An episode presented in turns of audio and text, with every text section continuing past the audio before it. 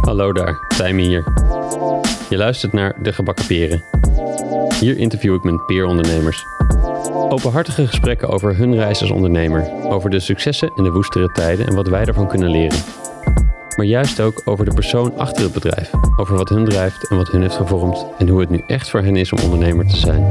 Of zoals de titel al zegt, wanneer zaten ze gebakken of wanneer zaten ze met de gebakken peren. Oké, dat is de enige en laatste keer dat ik die grap zal maken. Ondernemerschap is de beste school voor persoonlijke ontwikkeling, maar misschien kun je sommige lessen met minder schade en schande leren door slim te spieken. Of in het geval van podcasts, af te luisteren. In deze aflevering zijn Frauke Richter en Ruud de Voice te gast. Zij runnen samen met Mira design thinking bureau Snijboon. Met Snijboon begeleiden zij design sprints, doen design research naar de eindgebruikers van hun klanten en geven trainingen. De rode draad in dit gesprek is hoe het open luisteren uit de empathyfase van design thinking overal in hun bedrijfsvoering terugkomt. In hoe zij luisteren naar elkaars kwaliteiten, wensen en staat van zijn. En hoe zij daar in hun rolverdeling, partnership en contact met de klant de ruimte voor creëren. Die congruentie van hun zijn, hun organisatie en hun werk vind ik heel inspirerend. En daarnaast zijn ze ook nog eens heel leuk om mee te praten. Vond je dit nou een leuk gesprek en denk je, dit deel ik graag online? Tag dan de gebakken peren even. Onder degenen die het delen verloot ik als bedankje een maand toegang tot de meditatie-app Headspace. Of als je liever een boek uit mijn online boekenkast hebt, dan kan dat natuurlijk ook. Ik neem contact met je op. Maar nu eerst, veel plezier met luisteren. Hier zijn ze, Frauke en Ruud van Snijboon.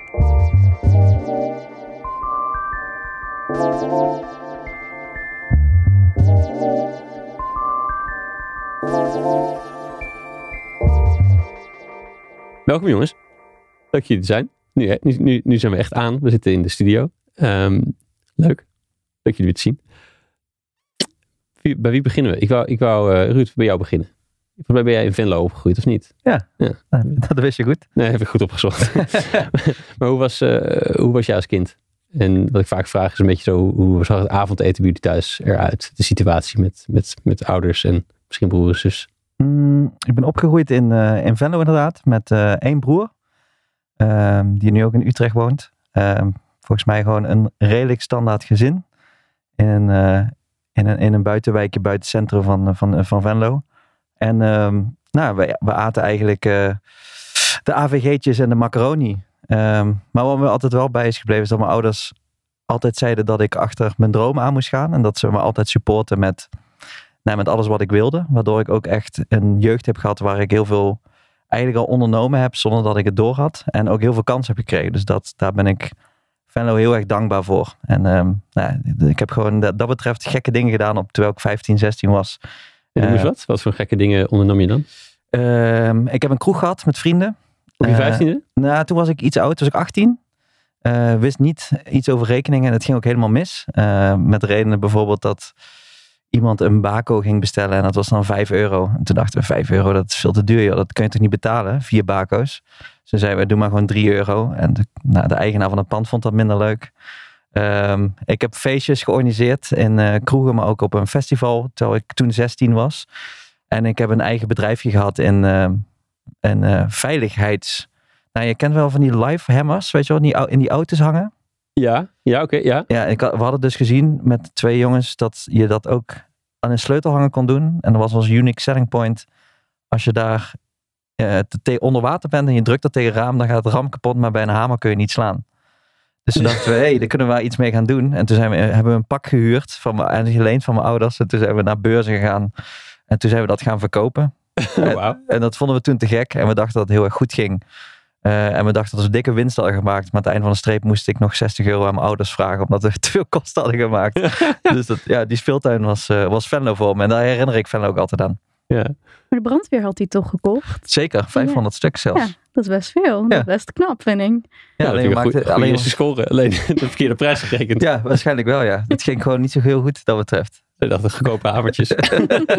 Mooi dit. Ja. Oh, vet. En hoe was de dynamiek bij jullie thuis aan tafel dan? Zeg maar met jou en je broer.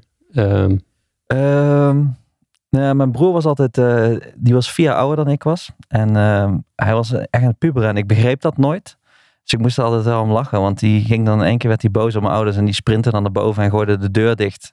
En mijn moeder schreeuwde achter mijn broer aan van, niet doen.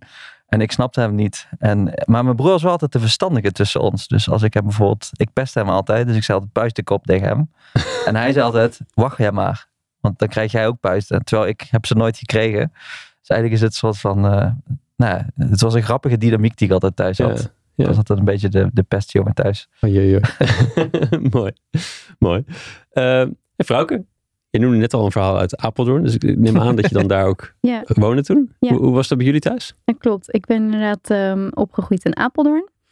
Enigst kind. Dus ik had geen broer of zus om puist de kop tegen te roepen, helaas.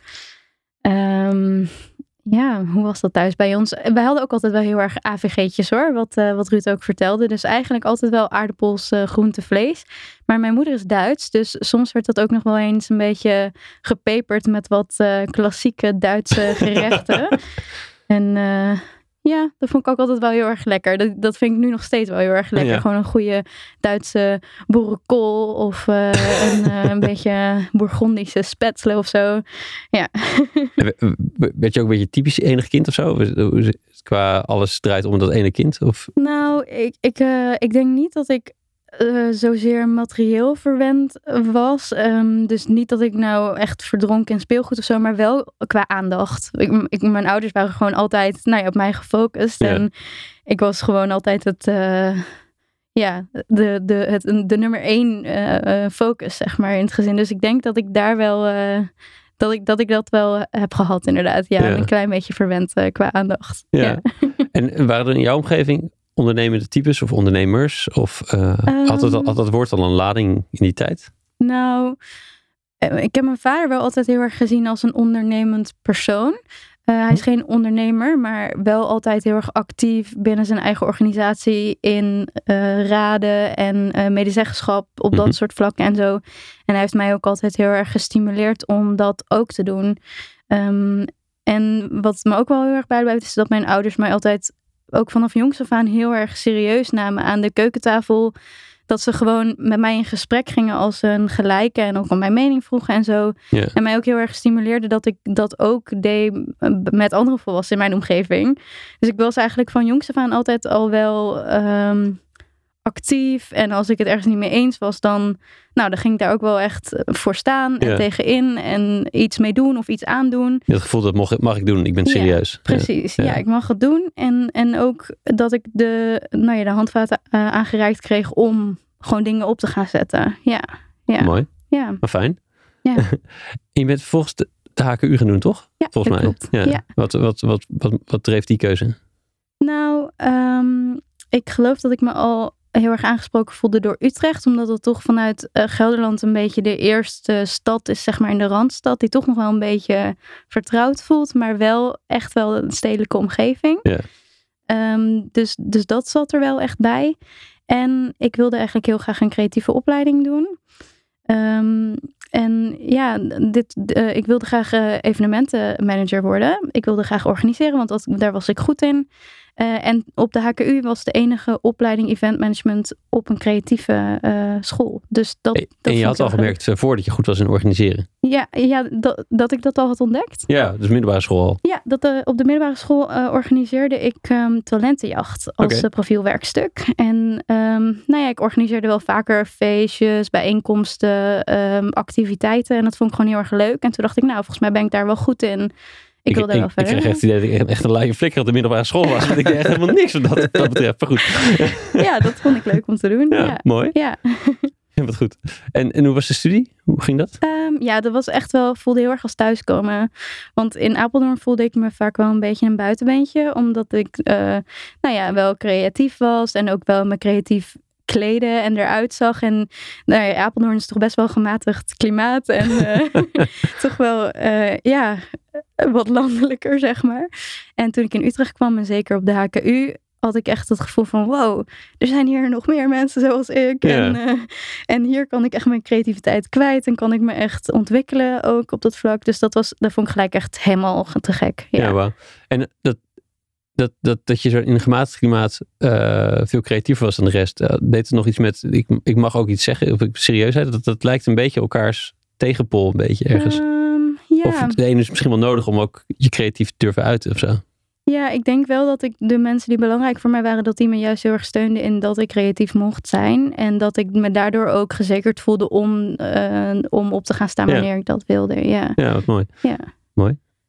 Hey Ruud, ehm, hoe, is, hoe dat bij jou gegaan? Je hebt volgens mij een iets, meer, iets minder simpel opleidingsplaatje gevolgd, als ik het Ja, een beetje zeker. kon traceren. Het is eh, bijna niet te traceren namelijk ook. Dus Nee, dat, eh, dat is het ook.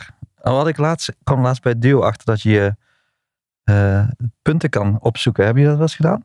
Dat is misschien een side note, maar dat is een aanrader. Cij- cijfers bedoel je? Ja, punten, dat is een beetje. Venlo's accent. Sorry, Eh, dat is verder ja, of, je, of je, hoeveel ECTS of studiepunten je Ja. gehaald hebt. Dat, Dan eh, kun je zien wat je voor Duits en zo hebt gehaald. En dat, het was bij mij heel matig, kan ik je vertellen.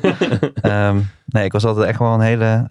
Ik haalde slechte punten altijd. Dus ik haalde het altijd kantje boord. Toen ben ik eh, mbo gaan doen. Ehm, en ik wilde vroeger, ehm, toen ik twaalf was, een drankje importeren uit, eh, uit Frankrijk. Panaché heette dat. ja, En toen dacht ik, ik ga maar handel doen, ondernemer, manager. En toen heb ik die opleiding gedaan op mbo. En eh gaandeweg kwam ik erachter, ja, mbo is niet mijn plafond. Volgens mij kan ik iets meer. En eh, toen ben ik naar de HU gegaan, de Hogeschool Utrecht. waar merkte je dat, dat, je, dat je meer kon? Ehm, omdat, eh, ehm, nee, ik, eh, ik, had, ik, ik, ik moest van alles doen volgens hun. En als ik dan buiten het plaatje ging, dan mocht dat niet. Dan haalde ik mijn punt niet. Toen dacht ik, dit, dit kan gewoon niet, zeg maar. Dus ik irriteer me daar heel erg aan. Ja. Eh, waar ik dacht, misschien heeft de HBO dit wel. Ehm, waar, omdat het misschien wat hoger niveau is, dacht ik toen. Ehm, en toen ben ik dat maar, toen, ben ik, toen dacht ik, nou, weet je wat, Eh, jullie kunnen het krijgen met jullie, eh, met jullie lijstjes, allemaal invullen. Ik ga gewoon een studie nadoen en dan zie ik wel of het dan klopt of niet. En toen ben ik de HU gaan doen, één jaar opleiding. En dat is helemaal misgegaan. Eh, daar haalde ik echt helemaal niks. Dus toen twijfelde ik weer heel erg over mijn niveau. En waar denk je dat het aan lag? Of wat, wat, combinatie van ehm, eh, Utrecht vond ik iets te leuk om te ontdekken, denk ik. Ehm nou, Popomatic vond ik toen heel erg leuk. Ehm, maar ook eh, alleen maar boeken lezen. Ik was dat echt niet gewend. Ik kon, Ja. het, want gewoon, ik kon het gewoon niet op VMBO en op MBO gewoon niet gehad om alleen maar boeken te lezen. Ja. Plus ik had gewoon tentamens over statistiek en ik, ik, ja, ik kon dat gewoon niet. Ik was een doener, ik wilde met mijn handen werken. Ehm, dus dat jaar was eigenlijk helemaal niks. Maar het ik heb er wel heel veel van geleerd persoonlijk. Ik heb eh, op mezelf leren wonen toen. Ik heb vrienden gemaakt die ik nu nog steeds heel erg spreek. Dus eigenlijk is dat een heel waardevol jaar geweest natuurlijk voor Ja. mij. ja, ja, precies. Maar de, dus jij had meer een soort van vrijere doen Ja. opleiding nodig gehad of zo. Bij je, Ja, het het zou eigenlijk HKU misschien een logischere keuze voor mij zijn geweest daarna. Terwijl ik wel op de HU ben gebleven. ja. Alleen ik ben meer naar een maakstudie gegaan. Dus ik heb digitale mediacommunicatie Ja. gedaan. Die bestaat niet meer. Eh, en eigenlijk was het ook niks voor mij. Alleen ik had meer zoiets van... Ik wilde iedereen laten zien dat ik wel een hbo-studie eh Ja. aankon. Ja, ja, ja. Ik wilde me bewijzen van. Hm, grappig hoe dat meespeelt, hè? Ja. en dat wel afgerond toen. Die heb ik afgerond, ja. Ja. Dus even voor de tijdlijn. Jij, wanneer was jij klaar? Zo, eh, vijf jaar geleden denk ik. Vijf, zes jaar geleden. Ja. Ja. En jij, Frauke? Ja, ik ook zoiets, Ja, denk ik. Ja. Maar ik heb nog een beetje een, een staartje gehad aan het einde van mijn studie. je moest nog een onderzoekje afgemaakt worden ja, of zo. ik, moest- ja ik, ik, had, eh, ik had allemaal extracurriculaire activiteiten gedaan. en Dat werd niet geaccepteerd. Toen moest ik nog een stage aan het einde doen. Maar toen was ik eigenlijk al met drie benen in, eh in het snijbonen in het ondernemen. ja. Dus het laatste jaar van mijn studie was een soort van uitgesmeerd iets. dus ik denk inderdaad zes jaar geleden. Zoiets vijf, zes jaar geleden. Ja, dus tussen, Ja. tussen de vijf en acht jaar. Ja, zoiets. maar het kan wel zo eindeloos na blijven eilen. Ja. Zo'n- ik moet dat nog een keer afronden. Ja, het is wel heel nuttig om het af te ronden. Maar oh, ja. Ja, zonde, ja. Hoe is dat begonnen met snijboon? Nou, dat is eigenlijk heel organisch gegaan. Want ehm, in, tijdens het afstuderen, toen eh, was er de optie om in het ondernemerslab eh, te af te studeren. En dat betekende dan dat je eh, met je scriptie ook nog een onderneming tegelijkertijd zou starten. En ehm, ja, dat leek me wel leuk, want mijn favoriete docent begeleidde dat. En, eh, en een paar mensen met wie ik het goed kon vinden, die wilden wel samen dan iets proberen. Dus toen dacht ik, nou, dan ga ik dat gewoon doen. Dat lijkt me wel lachen, want toen hoef ik ook niet alleen maar een scriptie te schrijven. Ja. En ehm, toen eh, was er, eerst was ik met een drietal mensen, geloof ik. En dat liep toen toch iets anders. En zij wilde iets anders doen. En toen dacht ik, oh, nu, nu, nu, nu viel dat een beetje weg. En toen dacht ik, oké, maar wat ga ik dan doen? Ehm, nou ja, dan ga ik wel brainstorm sessies begeleiden. En dan is dat wel mijn, mijn eigen bedrijf. Dan Hoe- ga ik dat Hoezo was dat een logische optie binnen de context van dat afstuderen? Ehm, nou, omdat wij hadden eh, bij de opleiding hadden we een aantal rollen die dan gedefinieerd werden. En één daarvan was uh, volgens mij de conceptor of zo. En uh, dat vond ik altijd heel leuk om te doen. Want dan kon ik met een, als we in een project werkten met een groepje, dan kon ik zeg maar dat gesprek faciliteren en um, allerlei creatieve werkvormen en zo aandragen. Nou, vond ik altijd leuk om te doen. En kreeg ik ook wat positieve feedback van mijn klasgenoten dat ze vonden dat ik dat leuk deed. En toen dacht ik, nou, het is eigenlijk best een leuk idee om dit buiten de opleiding te gaan doen. En wist je van het bestaan van zulke rollen of functietitels, om het zo maar te zeggen? Nee, eigenlijk niet. Maar hoe ik het toen een beetje geframed had, was dat ik zei: Oh, ik ben uh, jong en creatief en ik weet helemaal niks over, um, over het werkveld. Ik weet helemaal niks over bedrijven en hoe dat allemaal werkt. Dus ik kan als rare snijboon um, je misschien wel nieuwe inzichten brengen. Ja. Um, door het een keer op een andere manier te proberen. En, en dat verhaal sloeg dus best wel goed aan. Ik had best wel veel connecties binnen de HKU, want ik had dus al die Ja, ja, precies. gedaan van mijn vader. En eh, daardoor kende ik gewoon veel mensen over, over de hele HKU heen, ook uitvoerend kunstenaars. En ik zei, ik heb een heel netwerk van allerlei creatieve mensen. Die komen met mij mee en dan ga ik met, met deze mensen in het bedrijfsleven eh, creatieve sessies Ja, ja, nog een hele batterij snijbonen. Ja, precies. dat was ook eh, de oorspronkelijke gedachte van Snijboon. Van dat ik dus rare snijbonen meenam naar eh, het werkveld eigenlijk. Ja. Ja. En dat deed je met Bob, neem ik aan. eh, toch? Nou, ik ben toen eerst zelf begonnen. En Bob die ging vaak mee als rare snijboon Ja, ja, ja. naar mijn sessies. En die vond dat zodanig leuk dat hij zei... Hé hey, vrouw, kunnen we niet wat meer samen gaan werken? En ik wilde eigenlijk wel serieus verder. En toen zei ik, ja, laten we gaan kijken of we het met z'n tweeën kunnen doen. Ja. Ja. Cool. Ja. En hoe is dat toen gegaan? Ehm, nou, dat was heel erg leuk, want eh, ik kwam eigenlijk al heel snel achter dat zo'n creatieve sessie helemaal niet genoeg was. Eh, want dan gingen we ergens iets doen bij een klant eh, en dan was een middag was dat heel erg leuk en iedereen was dan helemaal energized en vond het geweldig. Maar als we dan daarna vroegen van wat hebben jullie dan gedaan met al die ideeën die er ontstonden, dan was er eigenlijk niks gebeurd. Nou, dat vonden Bob en ik gewoon te zonde, want we wilden heel graag eh, impact en verandering brengen. We zagen ook dat, heel, dat het op heel veel plekken dat werk eigenlijk helemaal niet per se leuk was. En wij zeiden, ja, maar dat, dat kan toch veel leuker. Dus we wilden dat eigenlijk, we wilden eigenlijk wat meer impact maken. En omdat Bob erbij kwam, die kwam van interaction design op de HKU. Ja. En hij had een wat bredere focus. En toen kwam eigenlijk design thinking ehm, een- wat meer om de hoek kijken. En meer dat hele proces. Dus veel meer ook aan de vraagarticulatiekant met de klant. Veel meer doen van waar loop je dan eigenlijk tegenaan? Ja. Ehm, en daarna ook prototyping en het echt gaan maken en het echt gaan testen en kijken hoe, hoe werkt dat dan, die innovaties. ja, dus dan zit je en je maakt er meer eigenaar van het probleem wat je eigenlijk gaat Ja. oplossen. En, en, en je begeleidt ook een stukje van dat zal aan de slag gaan. Dan is het veel moeilijker om daarna er niks meer mee te doen. Precies, precies. Dus daardoor ehm, ja, vergroten we eigenlijk de kans dat er daadwerkelijk wat gebeurde met wat we, wat we aanzetten, Ja. zeg maar, in een organisatie. En, daarvoor, hoe, hoe dacht je toen na over, ik, ik ga wel voor een groep staan en eh, wat, wat schudde je dan uit je mouw, zeg maar? Je bedoelt helemaal aan het begin? Ja, dus eh, voordat je eh, nou, design thinking als methodiek kende, wat, Ja. waar haalde je dan eh, de batterijtrucjes uit? Nou, toen ging ik heel erg. Want ik weet niet of je wel eens foto's gezien hebt van hoe ik er, hoe ik er vroeger uitzag. Maar ik had heel Ja. kort gekleurd haar in alle kleuren van de regenboog. En, ik, En dat en was ik- genoeg. Ik kwam Ja, gewoon binnen. vonden mensen vonden dat heel erg grappig. En dan riep ik gewoon wat gekke dingen. En, en dan haalde ik wat brainstorm trucjes uit de kast. En ehm, ja, dat, dat sloeg dan wel heel, heel erg aan, inderdaad. Ja. ja. Dus mijn wilde haren zijn een beetje uitgegroeid ondertussen. ja, helaas, helaas. Nee, maar eh, dat creatieve zit er natuurlijk nog steeds wel heel erg in. Maar in die zin zijn we denk ik als Snijboon ook wel iets serieuzer geworden in de, in de jaren dat we dit nu doen. Ja. Ja, dat is wel een vraag die me net al te binnen schoot, maar die misschien voor later was. Maar die, Mhm. ehm, ja, ja, hoe, hoe denken jullie nu na over, wij weten niks van alles en wij zijn ook maar creatief, maar wij komen binnen en dus kunnen we jullie helpen. Is dat, dat hoe langer je dit doet, hoe minder dat eigenlijk waar wordt, want je krijgt natuurlijk wel meer weet van hun. ja. ja. Ehm, ja, Nou, eh, dat, dat klopt. Eh, dus in die zin, ehm, de frisheid is er denk ik nog steeds wel ehm, in bepaalde mate. Maar ik denk dat we wel wat meer senior geworden zijn. Zo van, goh, we kennen deze methodiek echt. We weten dat het werkt en we kunnen dat bij jou naar binnen brengen.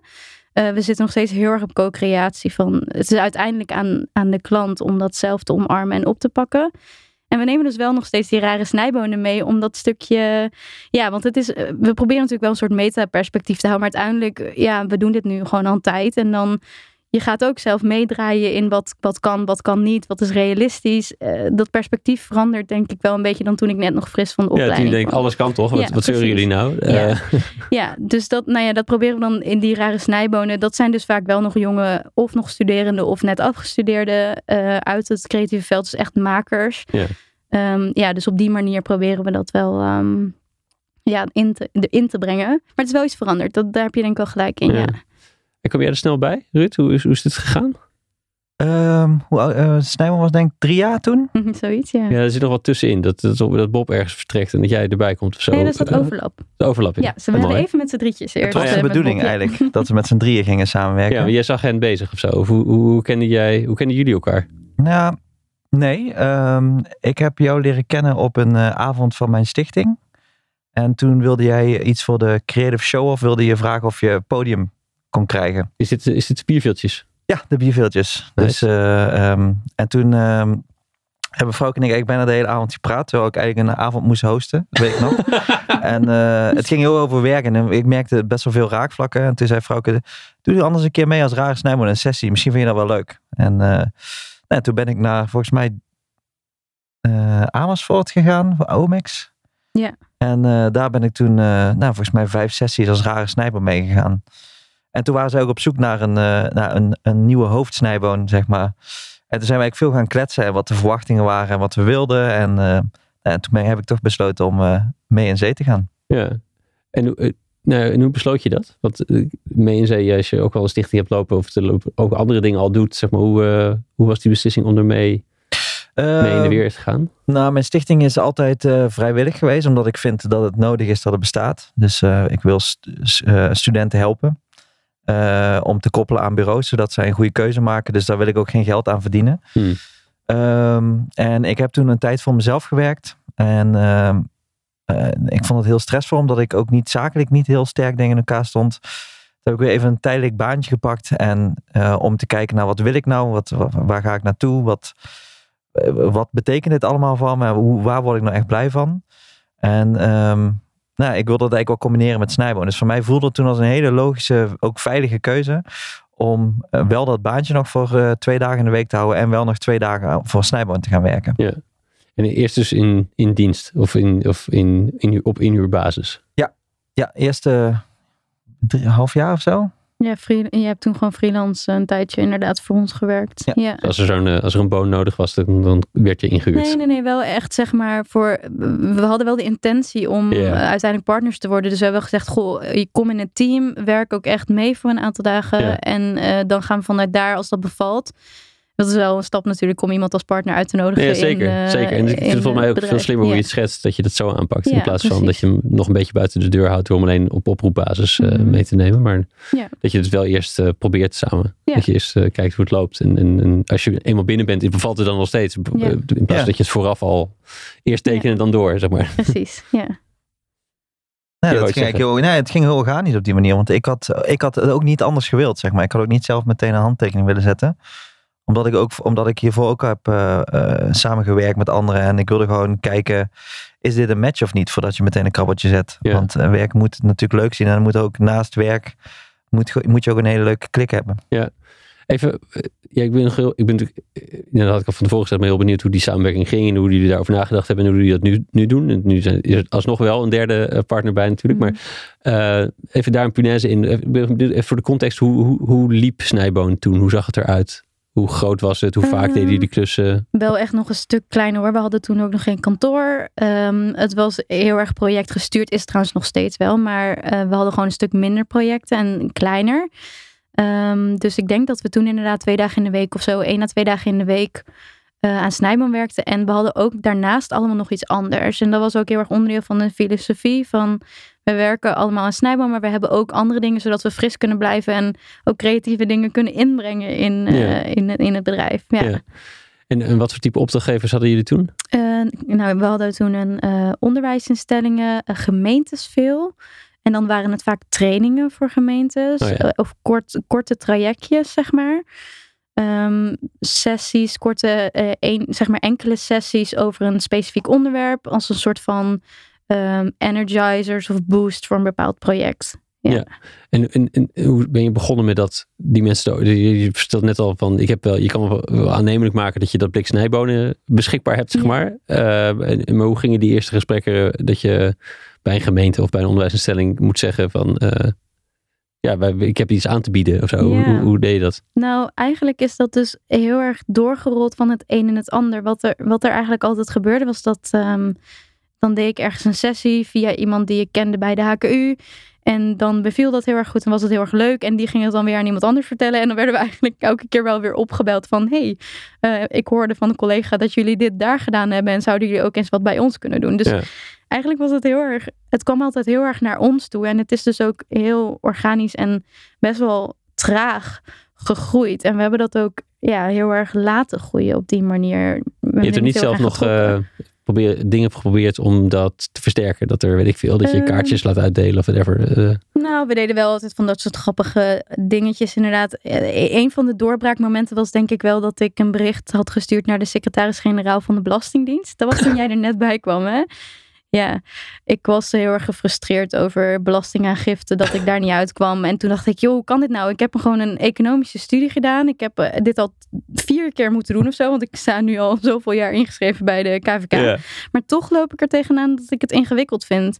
En toen heb ik een, eh, via LinkedIn een uitnodiging en een berichtje gestuurd naar de sec- Ik dacht, ik ga nu gewoon googlen wie de hoogste baas is van de Belastingdienst. Ik ben er helemaal klaar mee. en toen heb ik gewoon een berichtje gestuurd naar die secretaris-generaal van... Goh, ehm, hey, ik, eh, ik merk dat ik hier tegenaan loop en ik denk dat dit beter kan. Zullen we daar anders eens een keer een kopje koffie over doen? En toen, voor ik het wist, zat ik bij het ministerie van Financiën in Den Haag. Met je roze haar. Met roze haar, eh, met Ruud en... eh, Nee, ik was daar niet bij, oh, bij het gesprek. Toen Ja. nog. Ja, dat eerste gesprek, ja. Ehm, en mochten we, daar, eh, mochten we daar wat gaan doen en gaan organiseren. En kregen we eigenlijk ook heel erg de vrije hand om dat zelf vorm te geven. Ja, Ja, het is natuurlijk wel in die tijd eh, nog steeds een, een, een uitdaging die vrij, die, waar ze vrij bewust mee rondlopen. Hoe versimpelen we die hele, die hele Ja. bak belastingregels nou? ja, absoluut. Dit was trouwens voordat de Belastingdienst onder curatele werd gesteld. Ja. Even Ja. voor de duidelijkheid. Ja, dat, is, ja, want dat is dat, dat vervolgens liep op een gegeven moment liep dat spaak. Omdat ze al die projecten werden stopgezet. Omdat het helemaal eh, Hmm. allemaal onder controle stond. Ja, Ja, ja. Dus dit kon, kon toen nog. Ja. Hey, nog, nog één dingetje terug. Dus jij, hoe dacht jij dat... ehm, nou, dus je, hebt, het- je hebt het een beetje beschreven, maar dus vaak is het toch ook wel een stap om echt te gaan ondernemen na de studie. Je kan ook simpelweg een baan. Dat is veel veiliger, makkelijker. Eh, maar ik zie jou nu al, hoe je kijkt al. Nee, nee, nee. nee, dat voelde voor mij absoluut niet veilig. Een baan voelt er niet veiliger. Nee. En wat was daar zo eh, spannend aan? Ik vond het heel eng om ehm, onder iemand die mij dan zou vertellen wat ik dan moest doen. En dat ik dat dan gewoon moest uitvoeren zonder dat ik er zelf bij na mocht denken of ik dat wel of niet een goed Ja. idee vond. Ja, je, je wou echt die autonomie houden Ja. over je Ja, inzichten en tijd. En, ja, en ik was dus in die zin ook wel een beetje bang voor de grote mensenwereld van dan kom ik straks in dat stramien en dan moet ik daar aan dat bureau gaan zitten en eh, onder het juk van, eh, van een organisatie gewoon maar klakkeloos uitvoeren en heb ik geen stem meer. Word ik eigenlijk monddood gemaakt. Ja, daar Ja. was ik bang voor. en waar, waar kwam die angst vandaan? Ehm, ja, dat is wel een goede vraag eigenlijk. Ik weet niet of ik daar ooit echt zo over na heb gedacht. Nou, ik weet dat ik het. Ik vond het tijdens de studie moest ik ook een paar keer een stage lopen. En dat vond ik heel lastig. Eh, om, omdat ik ja, dan dus het gevoel had dat ik. eh, Als ik dan iets moest doen en ik zei, oh, maar waarom moet ik dat dan doen? Of ik denk dat het beter zo kan. Dat ik dan terugkreeg van ja, maar je bent stagiair. Je moet gewoon doen wat er van je gevraagd wordt. En dit is hoe het werkt. Ga het maar gewoon doen. En ja, dat, daar werd ik zo ongelukkig van. Dat vond ik echt verschrikkelijk. Eh, dat wilde ik gewoon echt niet. En ik was er bang voor dat dat. eh, ja, ik denk dat ik dat een paar keer ben tegengekomen eh, in de studie of in mijn leven. En ik was er bang voor dat, dat, dat het werkveld er zo uit zou Ja. zien, zeg maar. Dus werd het dan een soort manier om dat, wanneer dat ooit misschien een keertje moest, dan maar uit te stellen? Ja, eigen- eigenlijk wel. Ik dacht, dit is de betere keuze. Dit is de makkelijkere keuze voor Ja. mij. Maar heb je alleen nog wel een klusje te klaren? Dan moet je opeens een bedrijf creëren wat dat ook Ja. mogelijk maakt. Hoe Maar dat was, niet zo, dat was toen niet zo'n punt. Want ik woonde in een studentenhuis. Ja. Ik had helemaal niet per se heel veel geld nodig. Ehm, ik had alle ruimte en tijd om dat te ontwikkelen. En dat, ja, dat kon gewoon toen. Ja, mooi. Hey, en op een feestje kwam je, of nee, op je, jouw avond kwam je Ruud tegen. Eh, wat dacht je dat, waarom, wat dacht je in wat zag je in hem dat hij mee moest naar, naar zo'n sessie? Nou, eh, Bob en ik waren eigenlijk op zoek naar, eh, naar een partner echt gericht. We wilden graag uitbreiden, we wilden een beetje groeien. We, we kregen steeds meer opdrachten, maar dachten het is gewoon een goed moment om het kernteam eigenlijk uit te breiden. En we waren vooral op zoek naar iemand die ehm, ja, echt gewoon de schouders onder iets kan zetten en ehm, met eigen initiatief ehm, iets kan toevoegen aan Snijboon. En dat, dat heb ik gelijk wel in Ruud ook heel erg gezien. Want we hadden met een aantal mensen hadden we ook gesprekken op dat moment. We waren gewoon een beetje aan het kijken, oké, Ja. wie, wie zou erbij kunnen passen? Ehm, en uiteindelijk wilden we gewoon heel graag met Ruud in zee, omdat we zagen dat Ruud eh, ja, met initiatief en met zin en met input ehm Snijboon meer smoel zou geven. Ja. Ja. Ja. Maar, maar en hoe was dat voor jou om in zo'n bestaande constellatie? Nou, jullie hebben natuurlijk eigenlijk allebei, de, of tenminste, Vrouw en, en Bob hadden gewoon die verhouding. Wij regelen dit eerst waarschijnlijk. Hoe kwam je daarin? En Nee, ik heb het nooit echt gevoeld. Het, dit, ehm, het raar is, is dat het, of dat is helemaal niet raar, vind ik. Ik heb eigenlijk vanaf het begin altijd al gezegd dat Snijboon ook mijn bedrijf is geworden. Of is het. En dat heb je ook altijd bij jaarevaluaties. Zei ik van, ik vind het heel bijzonder dat jullie gewoon Snijboon dragen. Terwijl natuurlijk eigenlijk is het vrouwens kindje als je zo bekijkt. En zo heb ik het eigenlijk altijd wel gehad. Het was op, eh, ik vond het begin juist super superleuk. En toen ehm, weet ik ook nog heel goed dat ik redelijk snel kon ik een kantoorplek voor ons regelen. En toen hebben we dat meteen gedaan. En ehm, toen dacht ik oh ja, wow, eh, dit is ineens weer een nieuwe stap. Want we werkte heel vaak in, eh, in koffiebarretjes of in, in de stad of eh, overal. Ik heb denk ik elke horeca van Utrecht gezien. Ehm, en toen hadden we ineens een kantoor. en toen ook overdag bedoel je? Ja, en ook over, vooral overdag trouwens. S'avonds hebben we het nu niet over. En ehm, nee, toen, eh, en toen hadden we eens een kantoor. En eh, nou ja, dat, dat dat had, ik, had ik via via kunnen regelen. Dus het voelde echt alsof, alsof we weer een stap dichter of bij groter werden met Snijboon. Daar claim je ook een beetje positie mee misschien. En ik weet niet of het echt een positie claimen is, maar het voelde gewoon heel erg alsof we dit met z'n allen samen deden Ja. vooral. Nee, het is grappig. Ik, ik ik merk ook dat ik vraag het meer vanuit voor, voor stelling dat, het, dat er iets, iets in die verhouding gebeuren. En die even zegt, ja, het ging gewoon. Ja. Dat Voor is- mij voelt het wel zo. Dat is misschien ook wel tekenend. Dat het, eh, dat het geen ding is eigenlijk, zeg maar. Ja. Of, zo. of hebben jullie daar bewust over nagedacht? Of, Om een kantoor. nee, nee, hoe je, hoe je zorgt dat er iemand, een derde, zich ook echt helemaal Oh. als gelijk onderdeel van het team zit. Ehm, Nee, nou, ik, eh, ik denk niet dat we er een soort van een strategie op bepaald hadden vanaf het begin. Maar ehm, Bob en ik waren wel heel erg zo van, we doen dat dan met elkaar. En dan zijn we ook allemaal gelijk Ja, ja. als partners. Ja. Ja, mooi. Dat is dus niet per se een gegeven natuurlijk. Dus het, daarom Ja. is wel knap van ja, jullie. dat was bij ons was dat wel Ja, van, ja, ja, precies. Sorry, het vanzelfsprekendheid. Ja, Ja. voor jullie is het vanzelfsprekend. Ja. Ja. Ehm, en, en, dus het kantoor en, en, en, en Bob is op een gegeven moment weggegaan. ja.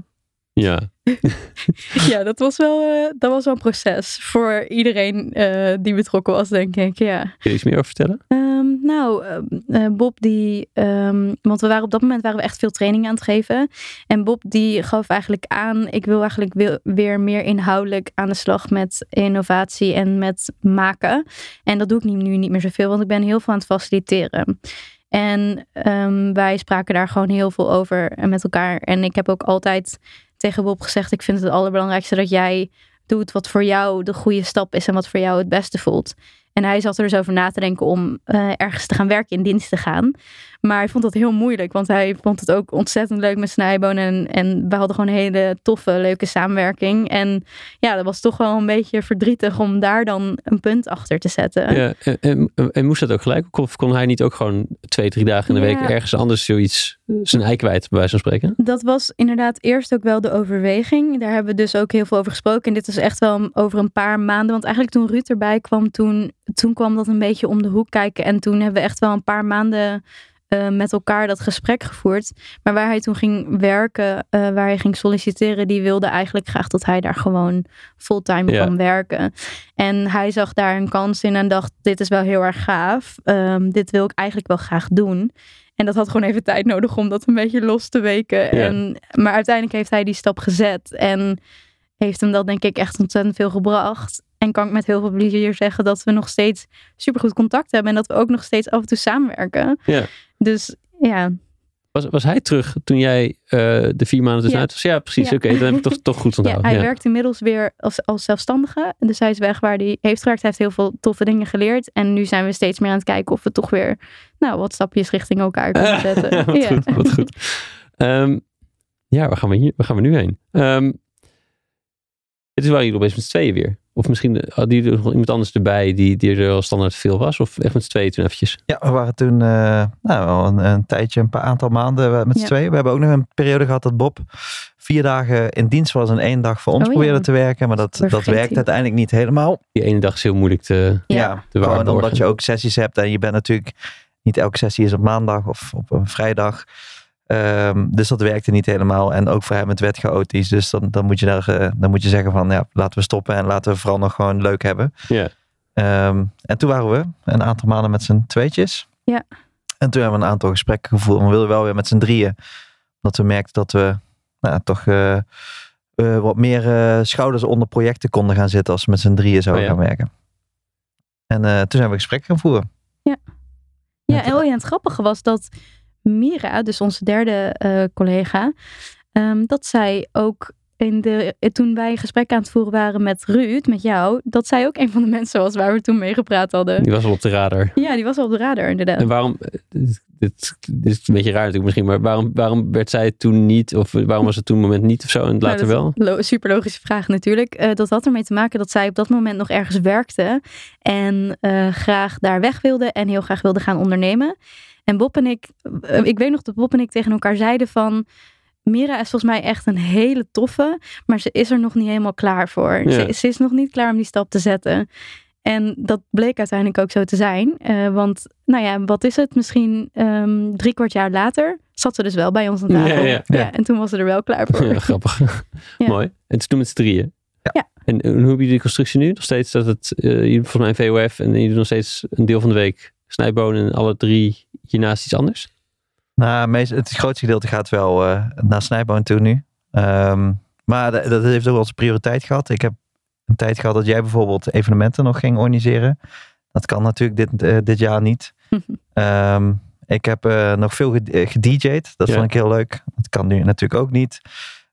Maar we proberen wel nou, niet eh 40 uur te werken, maar dat we het gewoon omlaag houden en wel onze eigen projecten kunnen doen. Het zij wat het dan op dat moment is. Was dat altijd een beetje in, in balans voor jullie? Dat de de hoeveelheid ander, de projecten die de ander ernaast had? Of, ik, of werd de urgentie soms wel eens vanuit één van jullie groter om meer snijboon te willen, want het project ernaast dat leverde niet zoveel op of zo? Hmm. Nou, ja, ik denk niet dat dat heel scheef heeft gelopen. Nee, ik heb dat nooit eh, zo gevoeld. Ik, ik heb het gevoel dat we altijd daar ook wel met elkaar over in gesprek waren. En eh, ja, ja dat, dat, dat we daar altijd wel met elkaar over in tune waren wanneer iets wel niet goed voelde. Ja. En Ja. soms combineerden we dan ook wel een beetje. Dus ik heb ook wel eens met de evenementen die ik dan deed, dat ik een deel wel onder Snijboon liet vallen. Of dat ik, nou ja, bijvoorbeeld met Marktmatch, zoals wij elkaar ook kennen, dat, eh, dan, dat Ruud en Mira ook wel zijdelings dan betrokken zijn Ja. eh, eh, daarbij. Ja, Ja. precies. Ja. Ja. eh, het, is natuurlijk iets wat wel scheef kan gaan lopen. Soms als je, als je allebei denkt, nou we doen drie dagen dit, maar ik heb even niks anders en jij wel. Dan, dan is Ja. het voor die andere heel prima om het drie dagen te laten. En die- de een wil misschien wat meer.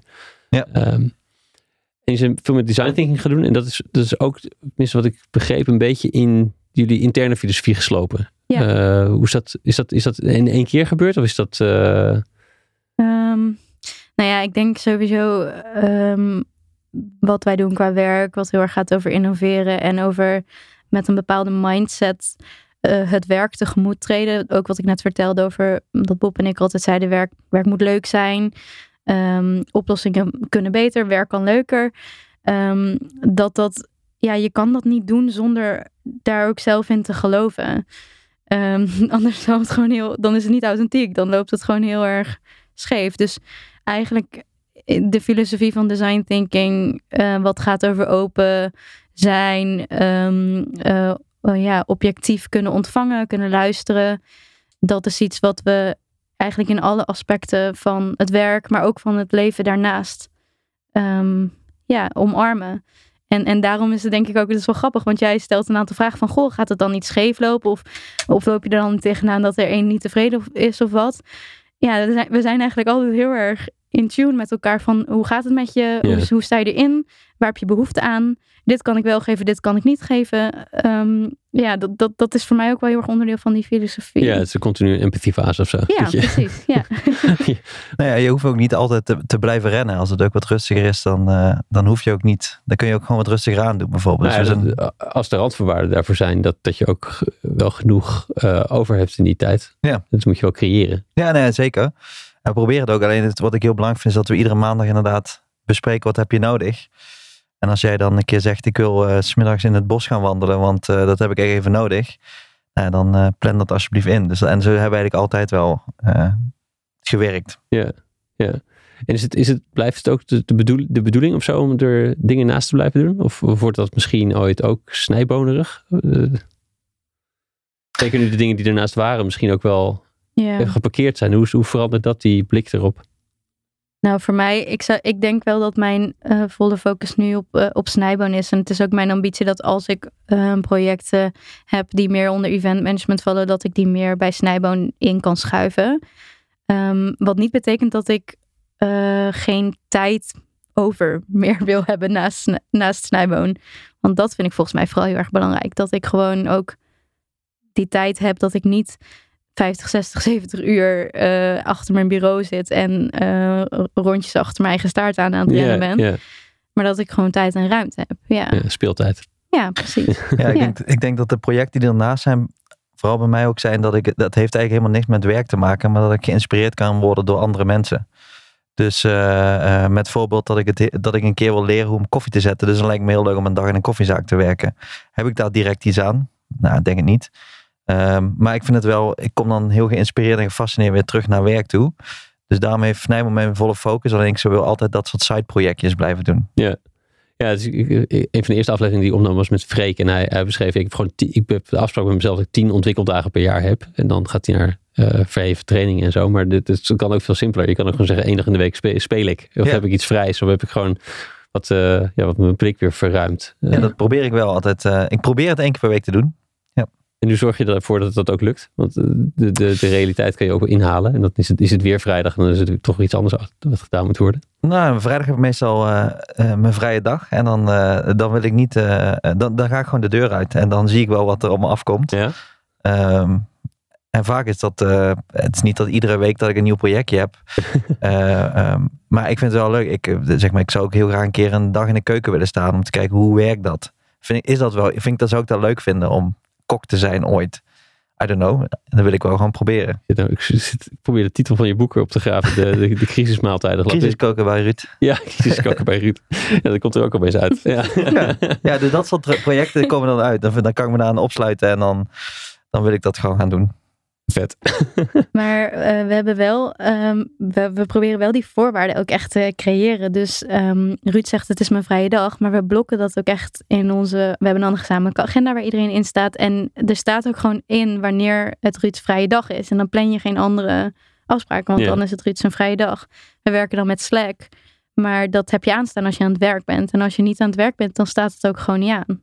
Ja, fijn. Ja, hetzelfde geldt voor e-mail. We hebben ook heel erg met elkaar. Ik bedoel, tuurlijk, het is belangrijk om te reageren als een klant een vraag stelt. Maar als het op je vrije dag is, ja, doe je het lekker die dag daarna. Ja. Eh, als je een training zou geven de hele dag, zou je ook niet direct reageren. Waarom dan wel als je een vrije dag hebt? Ja. Dus ja, we proberen, daar, we proberen wel echt een omgeving te scheppen waarin het ook mogelijk is om rust te pakken. Ja, en heb je, heb je ja, precies. Ik vind het fijn dat je die, die, die context ook even erbij geeft. Dat je het ook, eh, hoe kan dat dan? Zeg maar, en hoe zorg je Ja. ervoor dat je dat met elkaar afstemt? Maar, en, en heb je nog, hoe zorg je ervoor dat niks dan zo urgent wordt dat je het nu moet oplossen met, eh, met berichtjes of zo? Weet je wel? Dus die berichtjes altijd Ja. uitgesteld kunnen worden. Nou ja, kijk, weet je, er, zi- er zullen altijd dingen zijn. Zeker bijvoorbeeld met een productie, als je het hebt over evenementen. Ja. eh, Er is altijd wel eens een uitzondering dat iets echt even super prioriteit heeft en heel erg belangrijk is. Maar dat is maar heel weinig. Ja, Als je er namelijk echt naar gaat kijken en ziet hoe vaak dingen overstrest worden of dat er gezegd wordt, je moet nu die deadline halen of je moet nu dit antwoorden. Ja, wat gebeurt er als je het niet doet? Nee. Weet je wel? Ik bedoel, het is niet dat er dan iemand doodgaat of zo. Het is, het is eigenlijk nooit zo ernstig als bijna dat nooit. het lijkt. Het is bijna nooit. Nee, precies. Dus ja, zolang je zelf daar in het hoofd cool kunt houden en ehm, gewoon helder en, en goed kunt communiceren. Hè? Want natuurlijk, soms is een klant gewoon bezorgd en wil je iemand even een hart onder de riem steken en zeggen: Het komt wel goed. Maar ja, als je er niet in meegaat in, in die hele stresserij, dan, dan is het eigenlijk heel erg goed te doen. Verademing voor een klant. Ja, iemand blijft gewoon rustig. Wat chill. ja, precies. Ja, het is ook raar dat we het af en toe gewoon ons zo druk maken om dingen dat je helemaal gestrest bent vanwege. Wel, terwijl wij proberen dat juist absoluut niet te doen. Ja. Ik weet als voorbeeld dat wij ooit een keer een deadline hadden en dat we hadden gebeld en hebben gezegd: We kunnen nu niet de kwaliteit leveren die we willen, want we zijn er nog niet. Ehm, vind je het oké als we het over twee weken opsturen? En toen zei die klant: Ja, prima. En toen Ja. dacht ik: Ja, maar waar zitten we nou moeilijk over te doen Ja. met z'n allen? Dat zijn heel praktisch gezien. En soms moet je dat even leren of zo. Ja. Ergens is toch die overtuiging ingesleten dat het eh, deadline is deadline of het moet nu af, het moet meteen. Ja. Kijk, met Ja. een evenement en zo, dan begrijp ik, dan is het die dag natuurlijk, dat is afgesproken. Dat heeft ook wel iets natuurlijk, dat het naar zo'n crescendo Ja. toe gaat. En het is ook niet zo dat wij zo relaxed zijn dat we de hele dag maar achterover leunen op onze stoel en zeggen: Oh, het komt volgende week wel. Nee, we hebben echt wel, wel degelijk afspraak is afspraak. Het is belangrijk. Ehm, we doen ons best om het. Hè, maar het gaat ook over realistisch zijn en over van tevoren realistisch zijn over wat is haalbaar. Ja. Om in een bepaalde tijdsperiode te doen. En wanneer kan ik een ja geven en wanneer kan ik niet een ja geven. Dan is het gewoon eerlijker om een nee te geven. In plaats van een ja te geven, jezelf helemaal overhoop te werken. En dan uiteindelijk iets op te leveren wat misschien half af is. Nog niet zo goed als dat je het zou willen hebben. En dan ben je zelf ook nog eens over het randje. Ja, dat is gewoon zonde. Dat is echt niet nodig. Logisch verhaal als je het zo schetst. Dat, Ja. wil, dat wil je niet. Ja. Ja. Nee, maar het, ook- vraagt een beetje, misschien wat meer soms de discipline of het vraagt, vraagt vooruitdenken of overzicht Ja. houden. Dat je, dat je zorgt dat je de boel niet te vol zet. ja, absoluut. Ja. En, en ook dat kan weer als je de randvoorwaarden creëert dat je, nou ja, dat je tarieven bijvoorbeeld hoog genoeg zijn of dat je genoeg omzet draait, dat, dat het wel uit kan. Ja. Je die druk hebt, Ja. is het wordt weer verleidelijk om wel meer. Ja, of soms misschien ook wel dus een beetje tevreden zijn met Hmm. wat voldoende is. Ja, ja. Ja, ja het is, het, is het het waard dat je meer verdient, Ja. terwijl je ook dan dus eh, Ja. je werkgeluk eraan Precies. onderdoor gaat. Ik bedoel, het is belangrijk dat je gewoon voor je eigen brood en dat je gewoon de vrijheid voelt dat je kunt doen wat je graag wil doen. Maar soms denk ik ook wel eens van, goh, we hebben ook wel hele hoge verwachtingen over dat, we, dat je elke keer maar progressie moet hebben en het hoogste en het beste en het grootste en het meeste en meer, meer, meer eruit uit Ja. moet halen. Ja. Dat, is, dat is niet altijd nodig, denk ik. Dan word je daar nou echt gelukkig van. Nou, we hadden het er laatst ook over dat we natuurlijk keken. We zouden ook zes projecten naast elkaar kunnen doen. Alleen dat willen we niet, omdat we proberen de focus willen te geven op één project. We willen ook de aandacht en de focus kunnen geven. Eh, nou, we zijn wel eens met twee projecten tegelijkertijd bezig, maar de focus moet op één project tegelijk zijn. Omdat we ook de aandacht kunnen geven aan de opdrachtgever die het nodig heeft. Dus we zijn daar heel erg van. Met het hele toko doe je één project tegelijkertijd. Nou, vaak wel, ja. En dan de trainingen en zo, dat soort dingen Ja. tussendoor. Maar één groot project proberen we wel tegelijkertijd te doen, ja. Ja, ja. Ja, je hebt, dus precies. Dan, dan, en, maar, maar dat vraagt nog wel wat afstemming in de, in de, in de werving, waar ze spreken. Dat ja, je, dat, dat je klopt. Ja. op zich tegen Maar een klant dat te is- kunnen beginnen na die. Ja, nou ja, dus dat komt echt wel eens voor. Dat we dan zeggen, oké, we hebben tijd vanaf dan. Ja. Ja, en we werken nu, dus dat is wel echt veranderd sinds een paar jaar terug. Dat we eh, nu veel meer aan grote trajecten en grotere projecten werken. Waar we echt voor langere periodes bij een klant zijn aangehaakt. Ja. En dat geeft ook ruimte om dat op die manier te kunnen doen. Nou ja, het is wel grappig, want ik doe vooral projectmanagement en Ruud werkt vaak veel op de inhoud. Dus Ruud, we, we hebben nu geloof ik twee, drie projecten waar we, waar we nu, die we nu hebben lopen. Maar Ruud krijgt mee van één of twee, omdat hij op de inhoud zit van één of twee. En ik heb dus de planning voor me, wat er de komende maanden gaat gebeuren. En ik weet ook welke projecten waar ik nu een offerte voor heb uitstaan. En eh, welke projecten net zijn afgerond en waar ik weer... Ja, ja, precies. ehm, je hebt het overzicht zo. ja, precies. Dus als je naar onze, we hebben dan zo'n supermooie, ehm hoe heet het, eh, eh, Scrum wall met alle, waar alle projecten ehm, op staan. Ehm, dan, ja, dan, dan zitten daar, staan daar behoorlijk wat projecten op. Maar eh, met de uitvoer zitten we inderdaad zeker op één of twee projecten tegelijkertijd. En daar gaan we dan echt in diepte. Ja. Dan gaan we daarmee aan de slag. En dat betekent inderdaad dat als er een nieuwe opdrachtgever eh, eh, voor de deur staat, dan zeggen we, nou ja, oké, we zijn over twee maanden zijn we, kunnen we starten met dit. En het gaat altijd goed. Die willen niet, eh, nee, maar wacht even. Ik wil eigenlijk dat je op mijn datum start, niet op jullie datum. Nou ja, kijk, dan kunnen we altijd proberen om te kijken waar we dan de middenweg in kunnen vinden. Maar ja, ik, ja. Mooi diplomatiek antwoord. ik bedoel, is, dat, dat, ik denk ik wel echt van, moet het echt op die datum? Hmm. Ja, als, je, als jij dit belangrijk vindt, dan blijft het eh, relevant. En ehm, ja, dan gaan we samen een, een manier en een weg zoeken om het. eh, Ja, nu klinkt het ineens heel utopisch, hè, als ik het zo vertel. Maar... Nee, ja, het, het kan, een beetje wat ik net zei. Het kunnen gewoon eh, dingen naar je toe geduwd worden die zorgen dat, dat eh, die utopische balans tussen aan aanstekens weer van zijn, van zijn, Ja. van de top af, afrolt. En dat je Ja. dan, je moet een soort van bewaken dat het... ja, er zijn echt altijd wel momenten waarop we gewoon alle drie denken: oh, we lopen over. Er is ineens heel veel tegelijk en er gebeuren veel dingen tegelijkertijd. Maar ja, we proberen dat toch altijd wel door projectplanning. Oké, we hebben ook wel het voordeel dat Mira en ik allebei gewoon hele goede planners zijn. En Ruud een gigantische chaot. Dus dat is echt een prachtige balans. je glundert ook echt bij. Zo chill. Ja, ik kan mezelf zijn als chaot. Dat is echt eh, te gek. Hmm. Dat raad ik iedereen aan. Ja, dus ook, daar ben je ook, heb je ook een soort vangnetje. Net als dat je een soort van uh, randvoorwaarden creëert binnen eh, als een snijboon. Dat, Ja. dat het, het werk kan gaan Twee, zoals je twee vangnetten. Twee vangnetjes. Ruud, Ruud heeft gewoon twee planners nodig om zijn chaos in toom te houden. Is het zo erg? Ja. Ja. Ja, ja. maar ik heb dat heel erg nodig. Ik hou, ik hou heel erg van chaos. Ik, ik, weet niet, ik vind dat heel leuk. Maar ik denk dat dat ook wel de waarde is van het snijboon. Is dat wij... ehm, ik probeer Frauke en Mira ook af en toe bij te brengen dat het soms ook niet alles geregeld hoeft te zijn. Dus ik denk dat, en, en hun andersom ook van probeer. Zij weten ook dat ik, ik kan geen projectplanning maken. Dus ze kunnen wel zeggen, Ruud, ga dat doen. Maar dan weet zij dat ik op vrijdag om vijf uur nog steeds met mijn handen in mijn haar zit. Van, oh, dat kan ik echt niet. Uh, dus wij accepteren elkaar erin, maar we proberen elkaar ook zeg maar, te stimuleren in uh, hoe kunnen we elkaar wel helpen. En ik vind dat juist heel mooi dat we elkaar eigenlijk in waarde laten en niet per se willen leren hoe je niet bent. Ja, ja heel mooi. Ja, dat je, dat je dus ook kan zorgen dat degene dingen waar je wel in goed in, goed in bent, dus meer ten, Ja. ja. ten volste benut worden en zo. Precies. Je hebt zo'n uh, zo'n zo'n anekdote van Richard Feynman, dat is een natuurkundige, die uh, The Great Explainer werd hij ook wel genoemd, maar die was, werd een beetje beroemd, die werd voor van alles gevraagd en, en allemaal nevenfuncties waar hij geen zin in had. En die nam die dan aan om te zorgen dat hij dat falikant kon laten mislukken. En dat hij er vervolgens nooit meer ervoor gevraagd werd. Dat zal ze leren. Zo kan het natuurlijk ook. Gewoon één keer een planning maken waar niemand, waar niemand iets aan heeft. Nee, dat is wel goed eigenlijk. Ja. je, hebt, je hebt het, zoals de meeste dingen bij jullie, beter opgelost dan dat.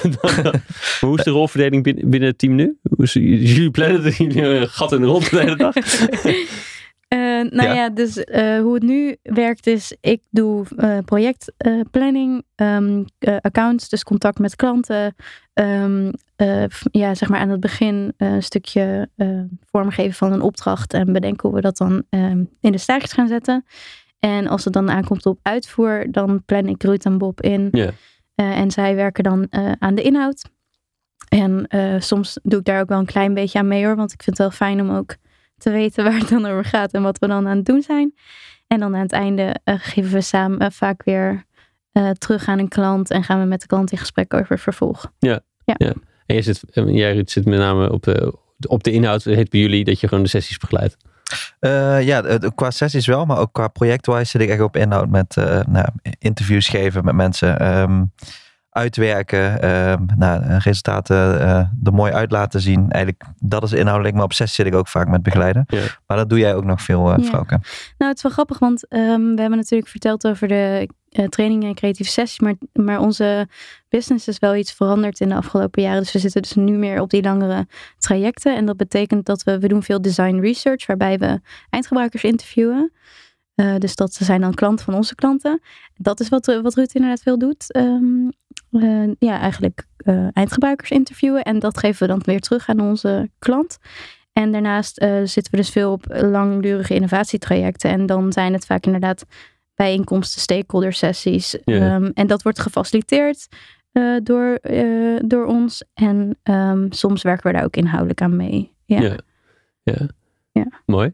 Het is een beetje veranderd dus inderdaad. En, en, Ja. en dit afgelopen jaar natuurlijk ook een hoop. Die zijn, neem ik aan, zoals de rest, allemaal dingen online gaan doen. Ja. Hoe is dat?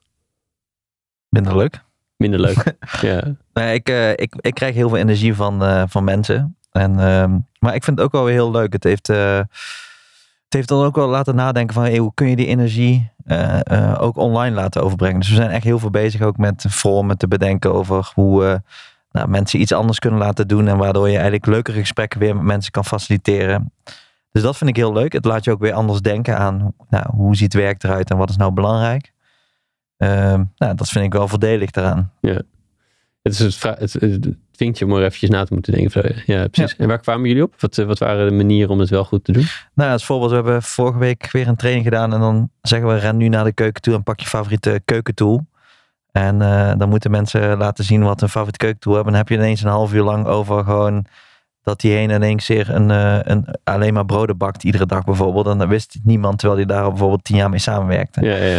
Dus dat soort dingen doen we. Maar eigenlijk heeft het altijd met eten te maken, komt het bij ons op neer. Want we hebben ook, eh, stuur van tevoren je favoriete eetfoto op en dan moeten we raden wie dat is. Dus gaat eigenlijk bijna altijd om eten, merk ik nu. Dan kom je aan de, aan de artwork voor je boek natuurlijk. En we proberen eigenlijk altijd ehm ehm, nou, sowieso heel veel ruimte voor rekken, strekken, even opstaan, eventjes. eh, want het is echt slopend om gewoon de hele tijd urenlang achter je laptop te, te zitten. Veel korte pauzes. Ehm, nou ja, we werken dan veel nu met Miro. Dat is dan zo'n ehm, eh, platform waar je met post-its en zo van alles kan doen. Ja, daar kan je gewoon hele leuke, grappige, eh, interactieve dingen in doen. En als je dan met breakout rooms werkt in, eh, in het overlegprogramma, dan kan je best wel toffe, grappige eh, eh, trainingen in elkaar zetten eigenlijk. Heb je nog Ja. een voorbeeldje van een, van een vorm met die breakouts en dat Miro-bord? Ehm, even denken. Nou ja, wat we dus vorige week bij die training deden, is dat we dan. ehm, nou ja, we hebben we dus een training over design thinking. En eh, dan werken we ook in de fysieke training werken we vaak met bijvoorbeeld een concept canvas. Dus als je al je gekke ideeën bedacht hebt, dan ga je daarna eh, dat concept canvas eh, invullen. En dat hebben we dan op het Miro-bord hebben we dat dan helemaal al ehm, eh, ja, klaargezet met de instructies erbij. En dan zeggen we tegen het team: Oké, ga nu naar met je eigen team. Of dan zeggen we tegen de hele groep: Ga nu met je eigen team naar breakout room 1. En het andere team gaat naar breakout room 2. En dan heb je nu 15 minuten om het concept canvas in te vullen. En daarna pak je de dotvotes die we dan al daaronder hebben neergezet. En die kan je dan erop stippen. En dan kan je kiezen welk, met welk concept je aan de slag wil gaan. En dan zetten we een timer aan in Miro. En dan gaan ze daar gewoon allemaal aan het werk. En dat zie je dan ook op het bord. Dat ze Ja, allemaal ja. zo bewegen en post-its zetten en plakken en doen. En dan verplaatsen ze die post-its weer naar, naar het volgende onderdeel, zeg maar. Ik weet niet of ik het zo goed kan beschrijven, want het is iets heel visueels natuurlijk. Ik zie het helemaal voor me. Ja. nou ja, dat werkt dus op zich best wel heel erg leuk. Dat je dat van tevoren al kunt klaarmaken. En dat het echt een omgeving is waar mensen dingetjes kunnen pakken van dat bord. En op een andere plek kunnen plaatsen. En Ja. dat geeft mensen ook het gevoel dat ze echt iets ja, aan het doen zijn. En niet alleen maar de hele tijd naar iemand anders hoofd aan het kijken zijn. ja, precies. Ja. Mooi. Ehm, cool. Ik, had toch, ik zal even zitten zoeken, want voor, vooraf hadden we ook, kletsten we ook een beetje. En toen, toen hadden we het over eh, kwaliteiten tot hun recht laten komen. En daar hebben we het een beetje over gehad, maar ik zat misschien ook niet helemaal. Dus ik zat even te zoeken hoe jullie dat nog meer doen bij elkaar. Dus hoe, je, hoe je zorgt dat je dat weet van elkaar en Hm. hoe je dat...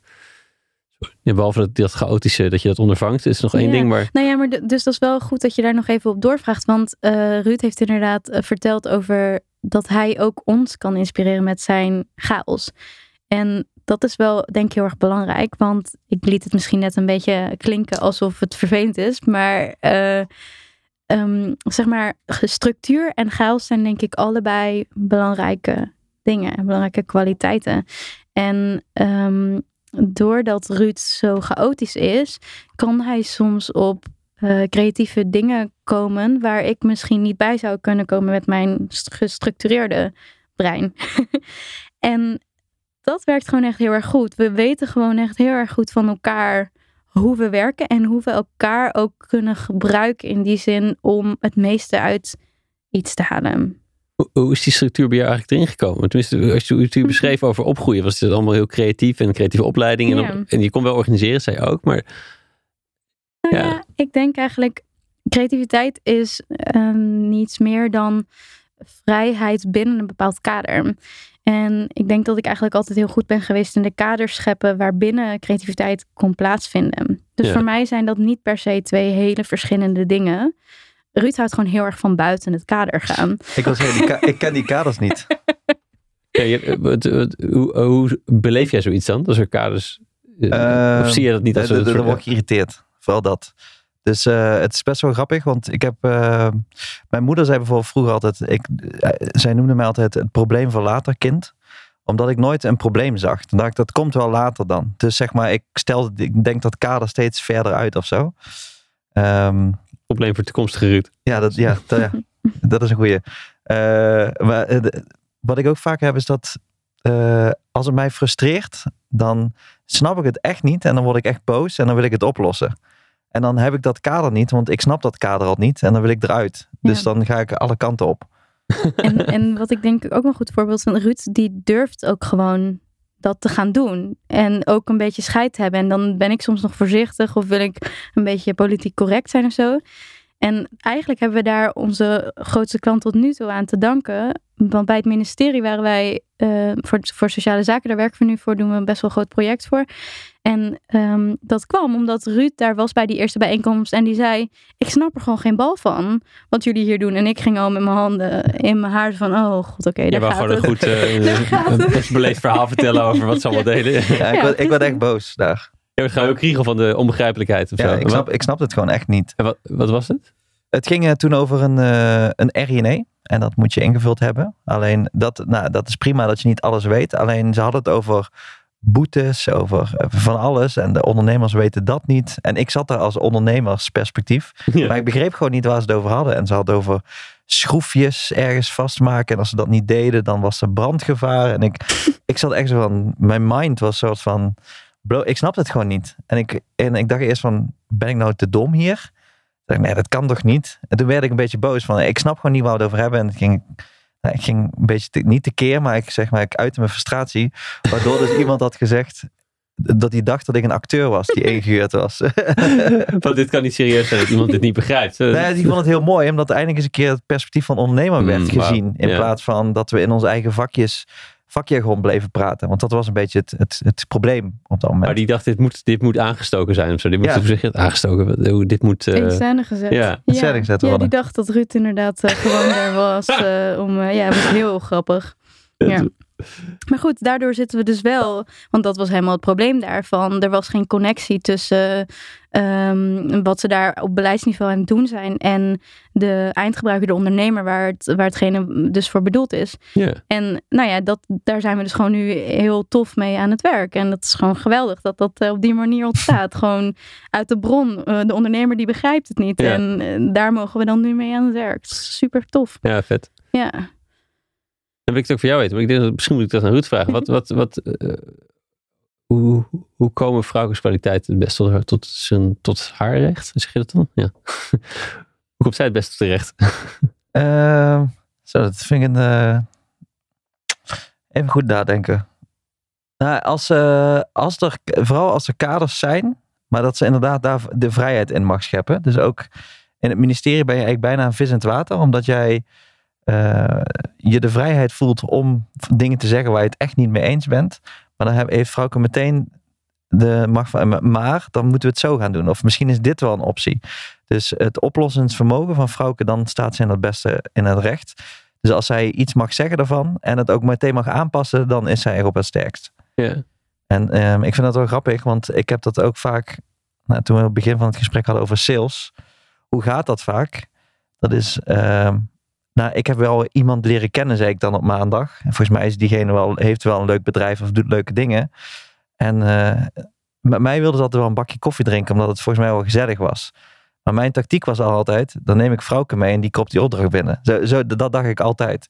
En dat is waar die vrouwke op een recht is. Gewoon recht door zee, zegt altijd wat op staat. Eh, eh, maakt niet uit of, je, nou, of mensen het misschien vervelend vinden, maar de oplossing is echt, dat is de oplossing. En daar is zij zo krachtig in, dus dat ik ook, dat iedereen gelooft daar ook in. En soms kan het wel eens dat mensen denken, oh ja, ik ben misschien op mijn tenen getrapt, maar toch uiteindelijk weet je wel dat het gelijk is. Ja, ik vind het ook wel grappig wat je zei. Het, het, het, het lijkt, ruimt ook een beetje met wat je zei. Ik wil nooit een grote mensenbaan. Want dan kan ik Hmm. dus niet meer mijn eigen Ja. kaders creëren. Ja. Of mijn eigen, het, het, het zo doen zoals ik het wil. Ehm, maar het, ook wat je zegt, van, ik geloof in die oplossing wel. Nee, als je het, hoe je het net beschreef, ook als de, nee, over twee maanden kunnen we starten. En dat is heel logisch dat wij pas over twee maanden kunnen starten. Die zoekt het ook maar uit eigenlijk. maar dan op een beleefde manier. Ik zie je dat zo doen, ja. Dat is grappig. grappig. Eh, en, maar hoe, hoe zorg je daarvoor? Is het dat, dat, dat die kaders er ook zijn? Want dit, ehm, Ja, dat is wel moeilijk. Hoe zorgen we, ik, ik doe dat allemaal niet echt bewust of zo. Of- Ja, ik denk ook niet, of wel? Be- Hoe bedoel je dat die, kader, dat die kaders er wel zijn? nou je schetst het zo, om, in die situatie ben jij, kom je echt het beste tot je recht. En, Mhm. en, en is dat, is dat eh, opdrachtgevers filteren? Of, of geen ja zeggen tegen Ehm. opdrachten die het niet zijn? Of, Nou, eh, eh, in ieder geval is het vaak goed luisteren naar waar diegene mee deelt. En dan kijken of dat iets is waar wij wat mee zouden kunnen. En dan ook eerlijk zijn over of we daar wat mee zouden kunnen. Ja. Ehm, En ook willen kunnen, misschien. Dus ergens, hè, want het, soms zijn het meer die randvoorwaarden. Of Ja, tenminste, ja, zeg je dat? De hygiëne in het, eh, of de opdrachtgeverrol. ja, of, het wel, Mm, echt- of echt er wel matcht. match is. Ja. Ehm, maar dat, dat is grappig, want dat, vaak eh, loopt dat wel los. Want als iemand inderdaad een bakkie wil doen met Ruud en is op zich al geïnteresseerd in de manier waarop wij werken, dan, dan, dan is dat al vaak een soort van voorwaarde om een, dat, het een, dat het een leuke match eh, gaat worden. Ehm, maar als we dan eenmaal aan tafel zitten en we hebben dat gesprek en diegene vertelt waar die, waar die tegenaan loopt, dan is het eigenlijk eerst altijd heel lang heel veel luisteren en heel veel vragen. En even helemaal be- begrijpen hoe, hoe diegene dan zeg maar in zijn situatie zit. En dan vaak aan het einde van het gesprek dan... Nou, dan ga ik gewoon even heel hard over- eroverheen. Dan zeg ik, oké, volgens mij is dit aan de hand. Volgens mij heb je dit nodig. Volgens mij loop je hier tegenaan. En dit zou je wel kunnen doen en dat zou je kunnen doen. En dan, nou, ik heb wel vaker meegemaakt dat iemand dan inderdaad op zijn stoel zit en denkt van... Wow, ja, dat is het inderdaad. Ja. Ja. daar zit ik echt heel erg mee. En daar moeten we inderdaad echt heel erg wat mee Ja. doen. En ja, vaak is het inderdaad ook wel zo dat een opdrachtgever eventjes een soort van schrikt over hoe, ehm, eh, hoe eerlijk of hoe, hoe, hoe hard dat dan eh, kan aankomen soms. Want soms zijn er best wel dingen, ja, dat iemand gewoon, nou ja, nou ja, ook dus bijvoorbeeld met, met het ministerie dan, dat ze, dat ze gewoon niet doorhebben hoe erg ze in hun eigen ehm, bubbel Mhm. zitten. Ehm, ja, maar juist die confrontatie en als dat ook eh, resoneert, dus als diegene ook denkt, ja, dat klopt, da- dat is ook echt wat er, wat er niet goed zit op dit moment, dan denk ik ook dat iemand denkt, oh ja, dit, dit klopt, Ehm, dan kunnen we vast ook samen wel daar iets aan doen als we dit zien. En eh, eh, ja, op die manier eigenlijk. Ja, wel knap. Ik vind het heel mooi hoe je het schetst. Weet je, en, en, en goed geluisterd. Dus dat je wel ook echt kan zeggen wat er gebeurt. Anders als je niet weet, dan kun je wel doen alsof, maar dan is het dus mis. Ja. En, en, en net edgy genoeg dat ze ook denken, ja, wacht even, er gebeurt hier ook dan iets. Want Ja, ze, nemen iets, ze brengen, komen ook iets brengen wat we Ja. niet hebben, kennelijk. Ja, precies. mooi. Ja, ja, ja en dus ja, dat te luisteren, dat is echt super belangrijk. Want eh, ja, zonder dat je. je moet eerst weten wat. eh, je moet de badwatertemperatuur meten. En dat Badwater, is, ja. ja, dat is gewoon echt design thinking. Dat is ook, ook als wij een interview gaan doen met eindgebruikers. Je gaat erin met, goh, goh, hoe zit het dan? Waar loop je dan tegenaan? Wat, wa- waar heb je dan last van? Helemaal open, helemaal zonder oordeel. Gewoon volledig luisteren naar wat de belevingswereld is van die persoon. Ja. Ja. Ja, vet. Ik zit, is een beetje hardop, hardop, hardop nee, in mijn, in mijn gedachten. Met ehm, dat, dat jullie partnership en dus heel eh, vloeiend lijkt te gaan. En dat, het, eh, en dat jullie ook wel knap dus gewoon business eruit weten te halen. Er zijn heel veel mensen die willen creatieve sessies begeleiden. Dus niet dat je dan per se het lukt om daar... eh, nou, misschien doen ze niet goed genoeg. Misschien snappen ze hun design thinking in sales niet. Of, of, of met elkaar niet. Maar jullie zitten op al die drie die lagen. Doen jullie dat is kennelijk heel goed. Dus en in intern en uitvoering en in, in het verkrijgen van nieuwe opdrachten Ja. ben je er ook een soort van prototype aan het maken in gesprek met een klant. Ja, klopt. Ja, dat is grappig, want het, het, voelt dus heel, het voelt heel natuurlijk. Het voelt helemaal niet alsof we iets heel bijzonders aan het doen zijn. Maar dat is wel wat we vaak terugkrijgen. Ja. Ja, Ja, en dus dat het zo organisch dus groeit. Want iemand zegt, eh, dit was leuk eh, en daar, daar ken ik over heeft. Dat is, ook, dat, dat is natuurlijk de, de, de, de beste manier. Of zo. ja. Een andere manier om echt naar jezelf te luisteren was dus om een tijdje er tussenuit te willen gaan. Ja. Hoe, is dat, hoe, kwam, je tot dat besluit en hoe was dat? Ehm, nou, eh, ik kwam tot dat besluit omdat ik eh, vorig jaar, ik denk een beetje zo aan het begin van de coronacrisis, een paar keer de gedachte had van, ik zou wel even een paar maanden niks willen. Niet omdat ik nou super druk was of zo, want ik was helemaal niet super druk. Ik had wel behoorlijk wat opdrachten gehad in die periode en ook een vrij groot event wat net afgerond was. Dus ik was ook wel, een- ja, dat ik dacht, nou, ik ben wel toe aan even wat lucht. Maar ik had gewoon een paar keer de gedachte van, ik wil graag eventjes een paar weken niet met snijboom bezig zijn. Ja. En toen ik dat drie keer gedacht had of zo, toen dacht ik, maar waarom doe ik dat dan eigenlijk niet? Ik bedoel, ik run de tent. Ik kan toch best wel beslissen of ik wel of niet eh, er ben, zeg Ja. maar. En toen, ehm, toen heb ik dat gewoon eigenlijk aan Ruud en Mira voorgelegd. Van, hé, hey, ik zou wel even een paar eh, maanden gewoon niet met snijboom willen bezig zijn. Want ik, ik doe dit nu sinds mijn afstuderen. Ehm, ik heb eigenlijk nooit iets anders gedaan. Ehm, ik zou wel eens willen weten wie ik dan ben als ik niet met snijboom bezig Ja. ben. En toen zeiden Ruud en Mira, wow, dat is eigenlijk best wel een goed idee. Doe dat. En toen dacht ik, wow, nu moet ik het ook echt gaan doen. Ja. Dat is wel spannend. Nu moet ik echt niks gaan doen. Ja, precies. Dus ja, toen ben ik dat eigenlijk, ja, ben ik dat eigenlijk gewoon gaan doen. Heb ik gewoon, ge- gewoon ja, alles overgedragen, overal een strik omheen gedaan, tegen alle klanten gezegd. Ik ben er deze periode niet. Ehm, ja, en, en toen was ik vrij. Dat was wel gek. Ja. En even één, brutale vraag tussendoor. Heb, heb je ook het, de, de vergoeding naar jezelf stopgezet in die maanden? Of is Oh, dat... dat is wel een brutale vraag. Eh, nou, we hebben daar met elkaar afspraken over gemaakt. Ehm, want Mira, onze andere collega, die heeft ook een is een tijdje met zwangerschapsverlof geweest. Ja. Ehm, en we hebben sowieso met elkaar afspraken over ehm, met vakantie en zo. En hoe lang. En eh, wat betekent dat dan voor eh, wat je dan verdient. Eh, en toen hebben we met elkaar gewoon een middenweg gezocht van, eh, nou ja, dan eh, ga je voor die periode gewoon, hup, zoveel naar beneden. En eh, nou ja, ja, dat ja, is ja, prima precies. dan Als er, als er iets Ja. gebeurt of als er iets nodig is, dan, dan moet je het wel een beetje voor elkaar regelen. natuurlijk. Ja, Ja. zo is het, ja. En ik vind ook dat je niet financieel, zeg maar, het je moet weerhouden om dit soort keuzes te maken. Ja. Wat dat betreft. Nee, ja, advocaat van duivel is alleen dat het dan eh, de ander financieel zorgt dat je die keuzes kan maken. Zeker, maar ja, eens en oneens. Want eh, oneens is dat Frauke, voordat ze met sabbatical ging, een heel groot project heeft gedaan en daar by far de meeste uren voor heeft eh, gemaakt. Ja. Nou, dus eigenlijk heeft ze toen ook wel wat geld in het potje gelegd. Je moet Dus het dus verdienen. ja, nou, nou niet echt. Kijk, zeg maar zo, daarom voelt het voor mij. vraag. Ja, sorry, dat is Sven Kokkelman in mij. Nou ja, daarom eh, voelde het voor mij als gewoon heel natuurlijk dat zij eh, een, een vergoeding kreeg. Ik vind gewoon, ik zie me dan zelf dat ook bijvoorbeeld volgend jaar doen. Ja. Eh, eh, en ik wil dan heel graag een reis maken. Maar als er me dat weerhoudt om dan niet te kunnen gaan financieel, zou ik dat wel heel erg vinden. ja, dan moet je het sparen naast of zo. Ja. Ja. Ja, het is geven en nemen. Soms geeft de een wat meer, soms niet. Ja, Hmm. zo is het denk ik wel. Zeker. Ja. Ja, mooi. En hoe, en hoe was het? ja, heerlijk. Ik vond het super fijn. Het was echt. eh, het was natuurlijk wel een beetje een gekke periode, want het was midden in de coronacrisis. Ja. Eh, maar tegelijkertijd was dat ergens ook wel fijn, want ik had niet de FOMO van ik moet een of andere vette epische reis maken of ik moet allemaal dingen gaan ondernemen en doen en bungee jumpen en weet ik wat je allemaal niet voor een onvervulde bucketlist eh, ja. mensen hebt. Ja, ik was gewoon en dat was precies wat ik wilde. En ehm, ja, ik heb heel veel gedaan, maar eigenlijk ook weer heel weinig. Ja, Ik heb ge- geknutseld en ik heb op een ukulele leren spelen. En ik heb ehm, heel veel gelezen en yoga gedaan en meditatie. En ja, gewoon ging dit fijn. laissez-faire of ging dit eh, ook gestructureerd? Dat je een planning had gemaakt dat je iedere week een Nou, ander dingetje... Ik moest er wel even van loskomen, zal ik je eerlijk zeggen. Ik had echt de eerste weken dat ik inderdaad... Dat ja, dat daar schaam ik me wel een beetje voor. Maar dan ben ik thuis en heb ik, ben ik vrij. En dan ga ik op een lijstje schrijven wat ik die dag ga doen. Omdat mij dat gewoon houvast geeft van die dag. En ik had echt na drie weken of zo dat ik in die sabbatical zat. Dat ik echt dacht, oh, ik voel me gestrest. Maar ik weet helemaal niet waarom. Ik heb helemaal niks te doen. Waarom voel ik me gestrest?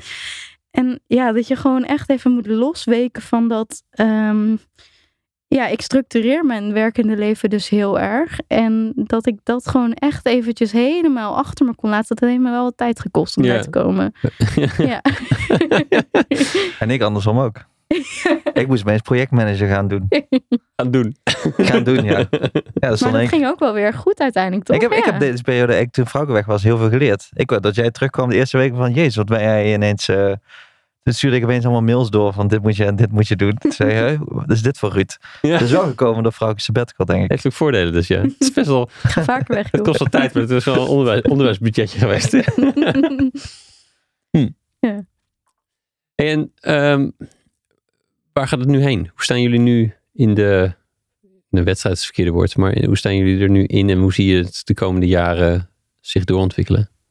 Nou, eh, ik heb net eh, afgelopen week eh, gewerkt aan ons visieplan voor tot aan 2023. Wat een goed moment dit. Om het erover te- Ja. ja, nee, dus ehm, nou sowieso, we werken dus heel graag aan die langdurige projecten. Dat vinden we echt leuk om te doen. Dus daar, daar willen we steeds meer op gaan inzetten.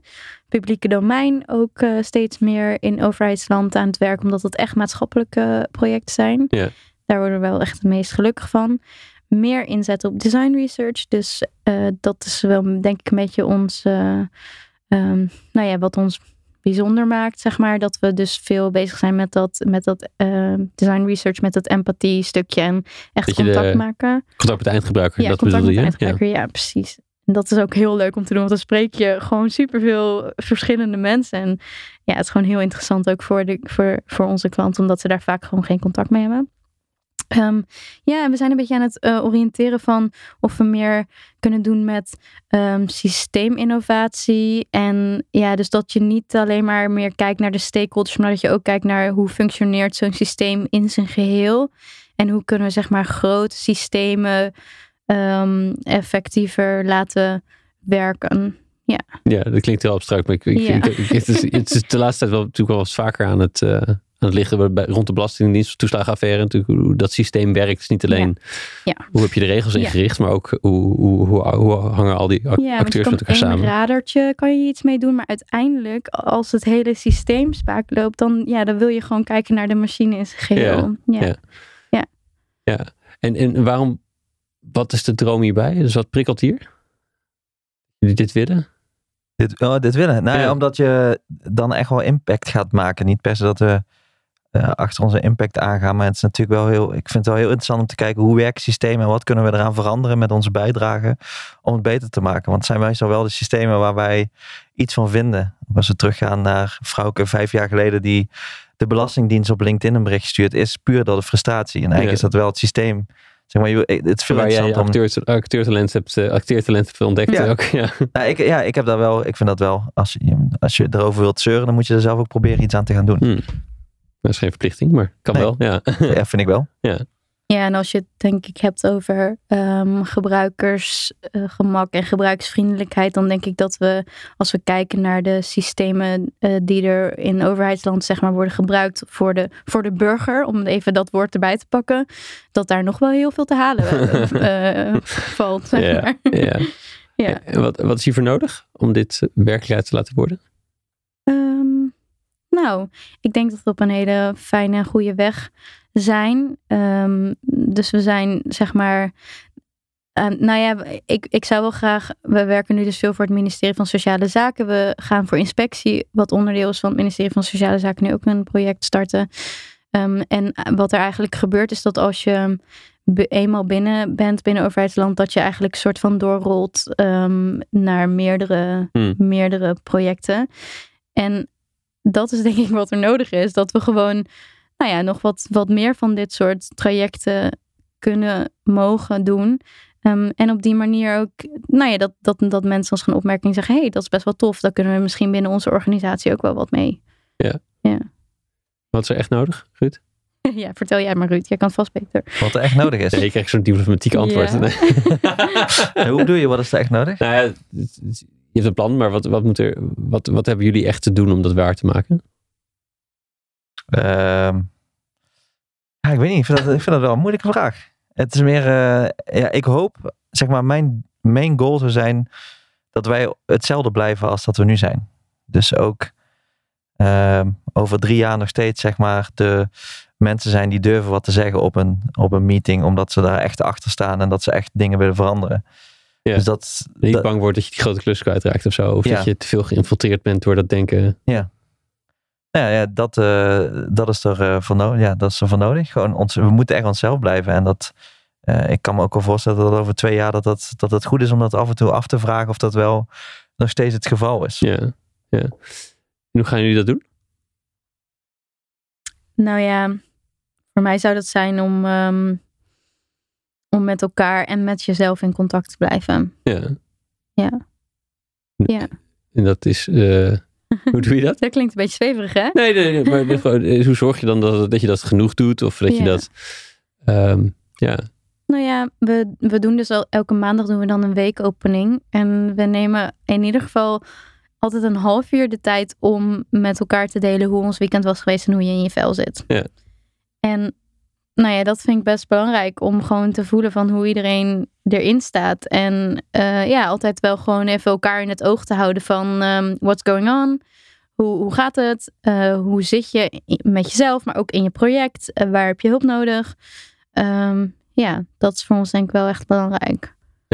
Ja, ik probeer altijd privé en met werk eigenlijk hetzelfde zijn. Ik, ik wil eigenlijk niet, ik wil niet veranderen voor werk. Dus ik wil altijd, als mensen mij op die manier zien, weten ze ook hoe ik ben als ik thuis op de bank zit, zeg maar. Dus dat, dat vind ik heel belangrijk. Waardoor het ook bij ons in de weekopening echt gaat over. nou, zelfs soms zeggen we van, "Poh, ik heb er echt serieus, ik heb er echt geen zin in vandaag. Ik heb vandaag gewoon echt geen zin om te werken. En ik, ik vertelde wel eens tegen bijvoorbeeld, eh, weet ik veel, vrienden en zo. Die zeggen dan, ja, dat moet gewoon af en toe, weet je, je kan het niet zeggen tegen je collega's. Maar ik, ik weet niet, voor mij voelt het zelfs natuurlijk om, dat, om te zeggen dat ik er vandaag echt geen zin in heb. Dus het, het zijn wel van die randvoorwaarden die ik heel belangrijk vind. Die ik eigenlijk misschien nooit heb opgeschreven, die ik, dat, dat snijboon altijd moet houden. Ja. Ja. Ja, het, het wordt steeds vanzelfsprekender. En sommige dingen herken je niet eens meer. En, eh, Ja. ik, Steven zei vorige keer dat hij... Ja, ik dacht, ik, ik, dacht vroeger dat het ergst kon gebeuren dat ik weer gewoon een baan moest nemen. En dan doe ik dat. Maar intussen denk ik, misschien dacht hij ook dat hij dat misschien eigenlijk ook niet meer kon. Misschien is hij gewoon structureel ongeschikt voor de arbeidsmarkt geworden. ja.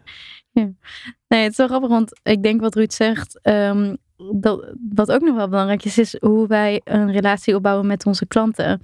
Want wij zien dat echt als collega's. En als je ziet over hoe wij met onze klanten omgaan, is dat, is dat best wel, kan dat best wel informeel zijn. En juist ook heel erg op dat niveau van, hey, hoe was je weekend en hoe gaat het met je? Ja. En, en we merken dus dat klanten dat eigenlijk ook heel fijn vinden. Het is een beetje wat jij zegt, dat je, wat Ruud, wat jij net zegt, dat je, dat je privé en werk niet anders wil zijn. Heb je dus intern en extern misschien ook niet dat je anders wil Nee. moeten zijn. Nee. Nee. En, en- en natuurlijk heb je op momenten dat je de, heb ik de wat serieuzere eh, masker op. En dat is ook prima, want dan wil ik, maar dan frustreert het me ook omdat ik het niet snap of dat ik het niet mooi vind of niet, niet eh, vind werken bijvoorbeeld. Maar aan de andere kant vind ik het ook wel weer fijn om gewoon, eh, nou ja, bijvoorbeeld maandag had ik een hele dag dat ik met het ministerie zat. De laatste half uur hebben we, hebben we het gehad over eh, lekkere restaurants en tips waar we moesten gaan eten. En eh, nou, ik vind dat net zo belangrijk om daarover te hebben dan eh, dat half uur daarvoor, zeg maar. Ja, mooi. Gaat weer over eten trouwens. Grappig. Ja, dat, dat, bij ons echt altijd trouwens. Ja. Het eten gaat roepen ook trouwens. Ik, eh, we gaan een beetje naar de afronding, denk ik. Ja. ik, ik was te gek, ja? Of, ja, of je moet nog iets willen zeggen. Punt. Nee, klaar. Nee, eh, kom je niet zo makkelijk meer weg. Nee, eh, nee ik had toch wel... Hey, ik had je gewaarschuwd voor één vraag. Ja. Dat is- Of twee vragen Daar eigenlijk. zat ik nog op te wachten. Die wil ik hebben. Ja. Die wil ik, ja. nou ja, begin maar. Ik had... eh die mag jij. Ehm, Welke van de twee? nou, ik had eh, allereerst ehm, iets van een tip voor, voor de luisteraar. Het kan een boek zijn, het kan een docu zijn, het kan een Ja. ervaring zijn, het kan een advies zijn. Eh, Ja. Nou, mijn tip was eigenlijk, eh, heeft ook wat te maken met, ehm met sabbatical. En wat ik net zei over in contact zijn met jezelf en in contact met de ander. En mijn tip zou zijn Headspace. Dat is een app, een meditatie-app, die ik, nou ja, eigenlijk wel dagelijks gebruik om te mediteren. Mooi, ja. En ik vind dat super inspirerend. En eh, nou ja, eigenlijk eh, de, ehm, de, eh, degene die de meditaties inspreekt, dat is Andy. En wat hij zegt en zijn tone of voice en ook de inhoud van wat hij zegt, neem ik heel erg mee ook in mijn werk. En ja, dat vind ik gewoon super waardevol. ja dat je ma- zou mijn maatje. Andy. Ja, mooi. maatje Andy. Ja. En er komt nu ook op eh, Netflix. ehm, eh, er is al een docu van Ja. Headspace op Netflix. En er komt nu ook eentje over slapen. Ah. Ja. En over mindful eating. Als je nou echt niet over eten kunt ophouden. Die is voor Ruud. Mooi. Oh, mooi, dankjewel voor deze. Ja. Leuk. En jij? Een, een tip. Ja. Ehm, het heeft niet met, het heeft denk ik wel met, ja, het heeft met eten te maken, ja. ik wilde eerst zeggen de, de smaakbijbel als boek. En toen dacht ik, ik wil niet per se als een boek kijken, want smaakbijbel is heel leuk, omdat er geen recept in staan, maar combinaties met ingrediënten. Eh, maar mijn tip zou zijn is, eh, vooral ga dingen doen. En dat klinkt heel plat, maar ik heb wel een voorbeeld. Is dat ik nu een, eh een kookchallenge heb.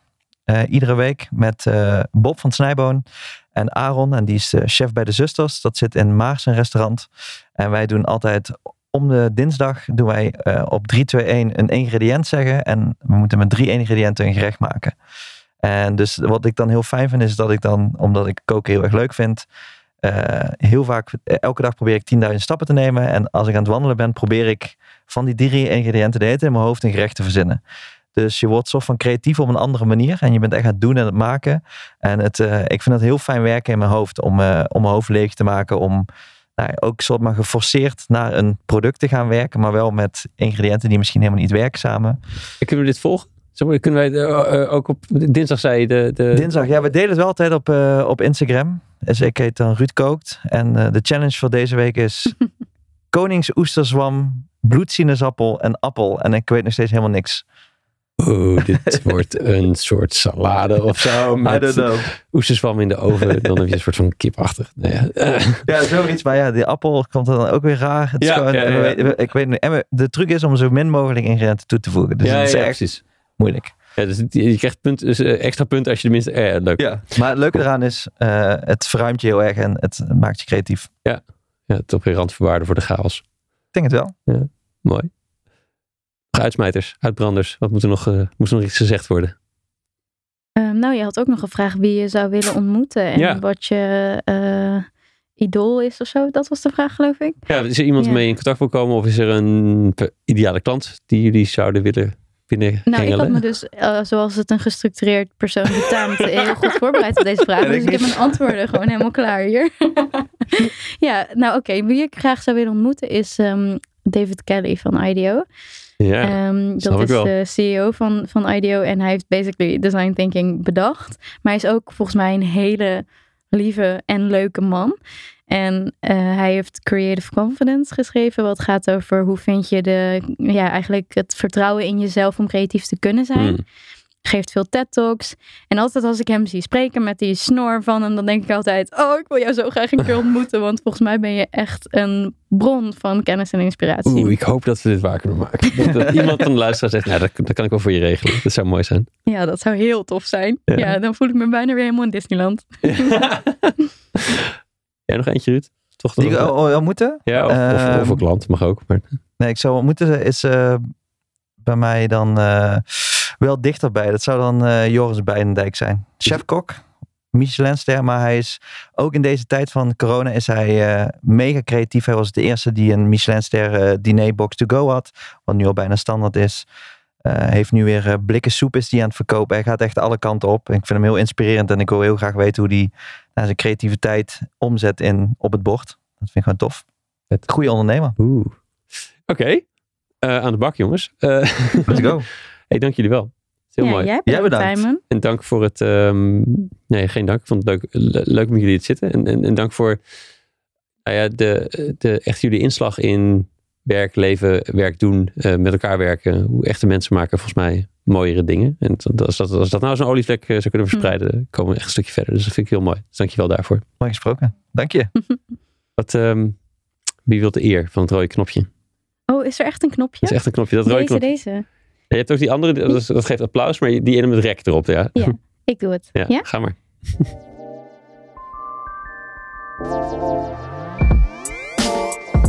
Ja, dat was hem alweer. Dankjewel voor het luisteren. Wil je zeker weten dat je de volgende aflevering ook vindt? Abonneer je dan op de podcast. Je weet hoe dat werkt in de app die je gebruikt. Weet ook dat ik van alle afleveringen uitgebreide show notes met de lessen en de links uit het interview maak. Deze vind je op www.studiogeorge.nl slash podcast.